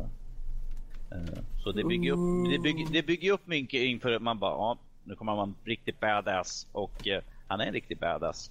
Med en liten twist sådär eh, på hur han är. Men jag kan mm. inte säga hur eh, för att förstöra lite grann av eh, innan man tittar på det. Men Intressant. Skulle ni alltså rekommendera den här? Den håller standarden för superhjälte ändå även fast den är i serieform. om vi säger så här. Den är klart mycket bättre än vad jag förväntade mig att det skulle bli. Man tänker så här, ja Daredevil den gör en tv-serie. Uh, Okej, fine, det kommer bli lite så här. Men den är mycket bättre än jag förväntade mig och så mycket bättre än den totalt värdelösa filmen de gjorde. Okej, okej. Ja, men då är det något man får ta och titta Ja. upp helt enkelt. Ja, för Eh, min del Något nu- extra ni vill tillägga på den? Ja, jag tänkte bara säga det för eh, alltså hur de, film, hur de har filmat det här. Den är väldigt eh, hög, alltså det är väl, man märker att det är stor produktionsvärde i den. Eh, I eh, just hur de eh, för kameran, i eh, bildspråket, i eh, ljussättning, i stämning. Allting är genomtänkt och eh, hög produktionsvärde. Det är bra fighting i det. Cool. Det är bra fighting i det. Och de, har För bra, det- det är de någonting- klipper bra också i fightscenen som du sa Fredrik, där med korridoren där. Mm. Eh, det ser ut som ett långt liten shot men att jag kan ju avgöra vart de har gjort eh, klippen för liksom ibland en karaktär springer förbi så vet man ju med sig att De låter, de låter skådespelarna, eller om det nu är stuntmännen, verkligen fightas och inte klippa upp det. Utan verkligen göra det. Och sen med tanke på att den är så rå också, att det faktiskt ger påverkan mot vår hjälte. Och eh, du nämnde lite angående Kingpin där. Jag vill bara flika in just med att det är ett, det är ett collage av personer du följer. Det är ju inte bara Matt Murdock som Daredevil utan det är även uh, hans kompis eh, och uh, medarbetare på uh, advokatbyrån som heter Foggy Nelson och det är en tjej som kommer in från första delen som heter Karen Page. Och alla är alla i den här serien är människor. Människor på det sättet att de är till och med Wilson Fisk, the Kingpin är uppenbarligen märkt av hur han växte upp eller alla dessa delar som bygger upp till hur när han väl kommer in i bilden. Ehm, det är ett bra collage och det är bra skådespelare. Det här är helt klart för min del den bästa Marvel-serien till dags dato. Ja, det är inte bättre än en rekommendation än så kan man ju knappt Nej, få. Det är definitivt Utan fall. se den definitivt. Se den. Okej, okej. Ja. Ja, men det, var, det var ett bra avslut på eventuella extra nördämnen. Så det var ett bra nämne där. Uh, ska vi gå och hö, höra på lite lyssnarväl kanske? Eller höra, det var som en telefonsvarare någonstans. Som vi, får väl höra Fredriks vackra ljuva stämma som Ja. får dramatisera dessa mig. Precis, och med stämma där så är det bra för då hoppar vi in i första mejlet som är från Marcus. Eh, och han skriver så här. Hej alla. Hej! Kul med variation när Fredrik höll i podden. Eh, kommer andra också hålla i podden eller var Max bara temporärt borta för påsken? Ja, flyttar ju i och för sig. Men ja. Mm, det var bara temporärt. Han skriver sen, funkade bra men saknar Max torra stämma. Tack, tror jag. Så han hoppas höra honom snart. Huruvida vi kommer, uh, vi andra kommer hålla i podden så är målet att eh, vår käre Max kommer leda det eh, fullt och eh, fullt ut då till 100%. Är det så att det behövs ibland så kanske eh, när det kanske finns något eh, roligt spel som definitivt vår käre Max vill delva into. Så. Så that's it. Men han fortsätter skriva. Intressant att ni sågade Hearthstone. Jag lirade en del, men uppenbarligen mycket mer än er, haha. Mm, somliga var ju inte med och kunde Nej, försvara... är man inte med så är man inte med. Nåja, Marcus, jag, jag hade inte sågat. Nej. Jag bara, det finns de av oss som har bra smak i spel. precis. Och det, det tog vi upp i, i podden också, att vi sa att det här är enbart våra åsikter och eh, vi får se. Det kanske kommer in åsikter från eh, både gäster och våra kära eh, Lotta och Max här sen. Men eh, han fortsätter skriva då i alla fall. Nåja, kul ändå att höra ert snack om det. Det är ju ett sånt, sånt där spel som många inte talar illa om. Och gör någon det så tror folk att de är knäppa. Eh, ni hade ett lyssnarmail om detta ett tag tillbaka. Och Hearthstone, eller Hearth eller whatever det heter, är ett bra exempel då Blizzard, nu, nu börjar han ranta lite, och Blizzard tappat mycket på sistone. Oj, svor jag i kyrkan nu. WoW suger, antikt och girigt. Starcraft är bara multi och Diablo? Frågetecken, utropstecken. Ja, allt som kunde gå fel gick fel vid release. Och även om de fixar mycket så här ett par år senare så har de flesta gått vidare. Ja, Uh, alltså, det- Diablo 3 är faktiskt jättebra om man vill ha ett avslappnande spel. Eh, bara mindless eh, sen liksom och gå runt och, och mörda och slakta i stora driver. Eh, anser jag. Det kanske inte är skräckspelet som Diablo 1 och 2 var, men eh, nej. Ehm, ja, va, alltså, ursäkta nej, det är lugnt. Alltså, han skriver ju där, oj, svor jag i kyrkan. Det är klart att det, det är väl inget fel med att säga att det här inte passar dig. Det är ju där det handlar om att man har en egen åsikt, liksom, vad man tycker. Så länge du säger att varför du tycker som du tycker så tycker jag det. Du får dissa på Blizzard, det är väl inget fel i det. Um... Nej, men precis. Alltså, det, oavsett hur mycket man tycker om en studio, ett spel, en franchise, whatevs, så man måste kunna ha en vettig diskussion om det och inte bara säga nej, det är bäst för att ja, det är bäst. Så det är så. precis. Det låter väldigt Max det där. Aldrig! Lyssna på mig! Ja. Nej, men det, jag kan förstå honom för det är många som säger typ man, vissa kanske man inte talar illa om och t- säger någon något om Blizzard här till exempel så kanske folk tänker att man är knäpp. Men jag menar som förra veckan när vi snart snackade om Hearthstone Eh, så var det utifrån våra perspektiv och vi, vi passar inte för den typen av spel. Och det är väl egentligen konsensus där. Men eh, huruvida du passar för WoW, Starcraft eller Diablo, ja det är ju utifrån dig liksom. Det, det är ju fortfarande väldigt bra spel för den som det passar för. Precis. Så. Men eh, han fortsätter också skriva vad vi tycker och tänker om det här med tokens och guldförsäljning i WoW och det har vi ju pratat om lite tidigare här så det, är ju bara att spola tillbaka och lyssna en gång till om du så önskar. Um, han skriver sen, jag hoppades mycket på Blizzard med deras kommande spel. Sen när det visade sig vara Overwatch, ett Moba i FPS, tappade jag tilliten. En gång i tiden stod Blizzard för någonting fräscht, några som vågar ta nya koncept. Idag följer de vågen bara. Folk vill ha Moba, Heroes of the Storm. Han skriver Herpes of the Storm, han kanske har skrivit fel eller så. Han skriver så. Folk vill ha Moba, Heroes of the Storm. Folk vill ha osymmetriska FPS. Overwatch. Folk vill ha kortspel, Hearthstone. Dags att rensa bland leden tycker jag. Ja, ja. Nu ran- rantade jag.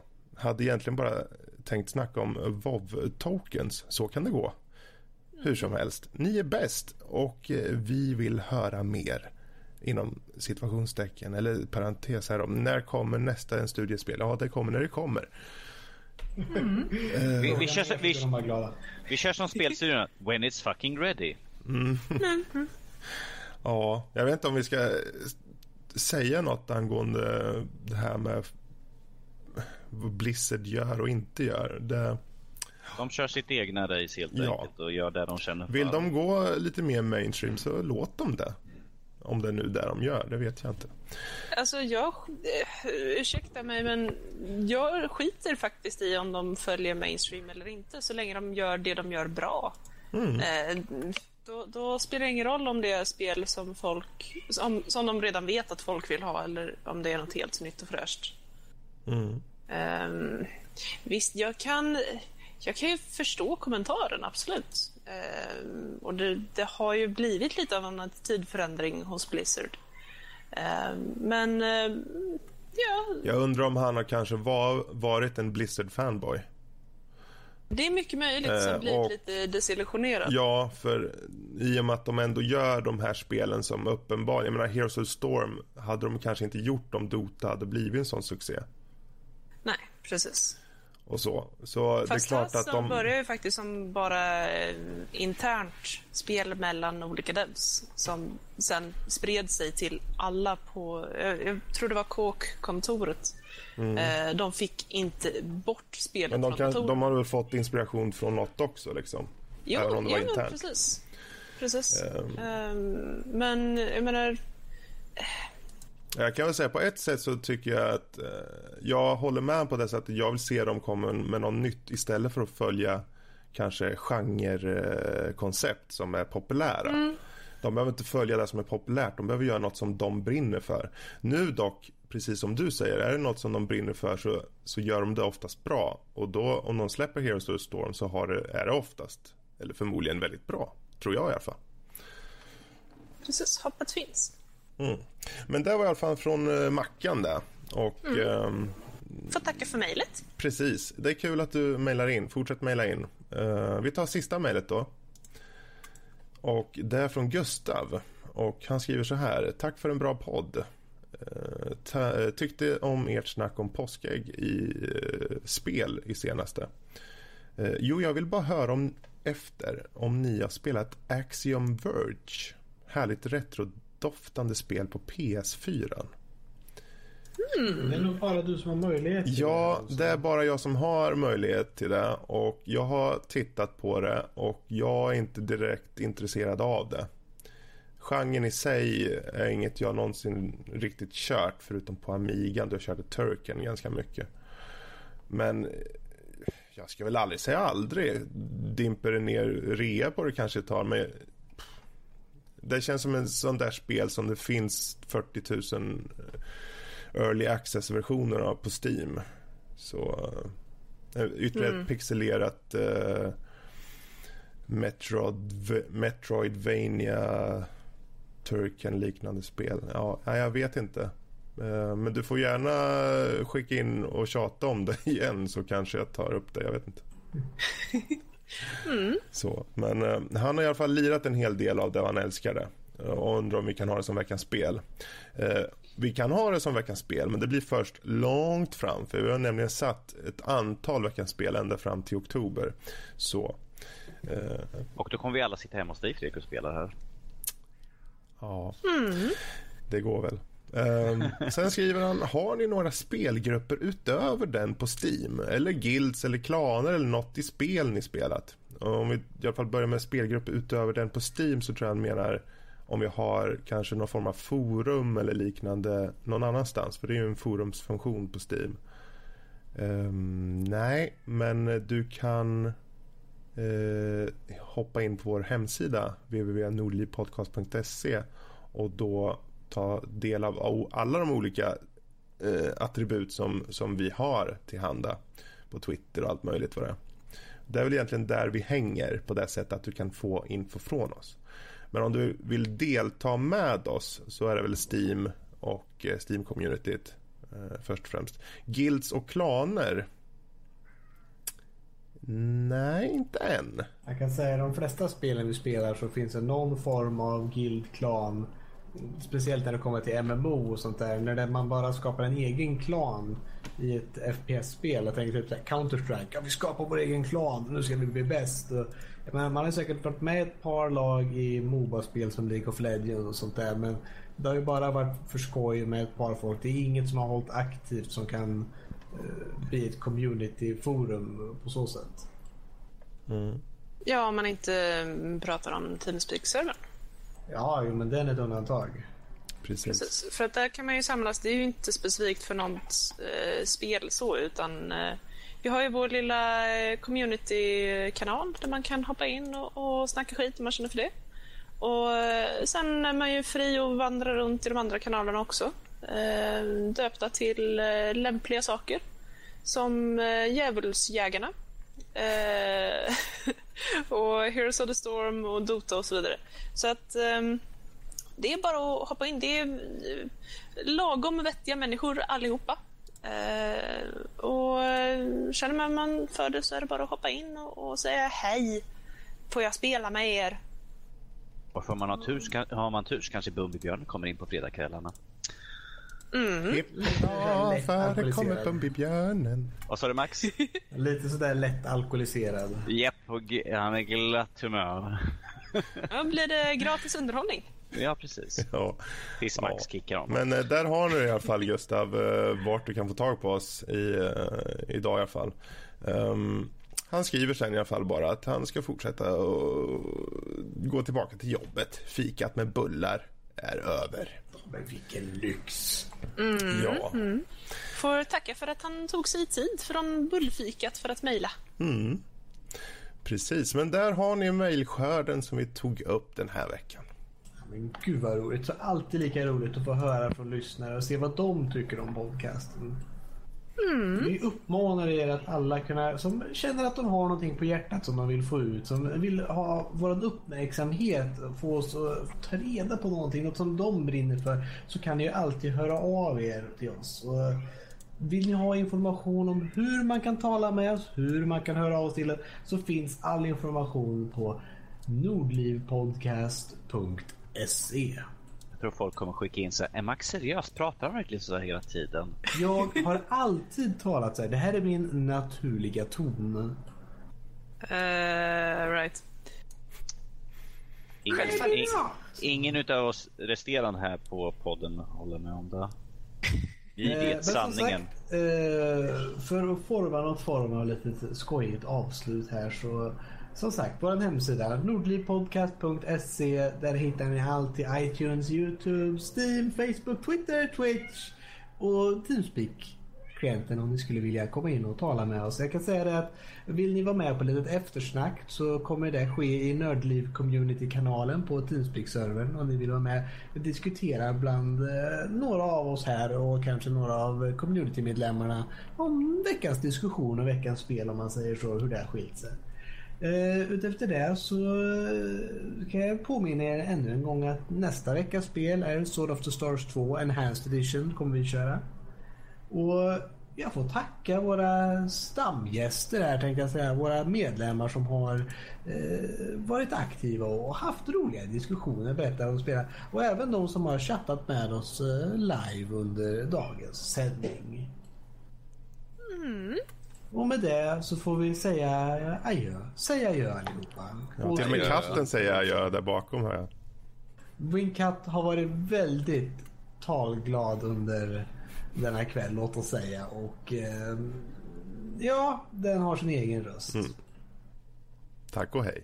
Tack så mycket. Adjö. Ha det bra. Toodaloo.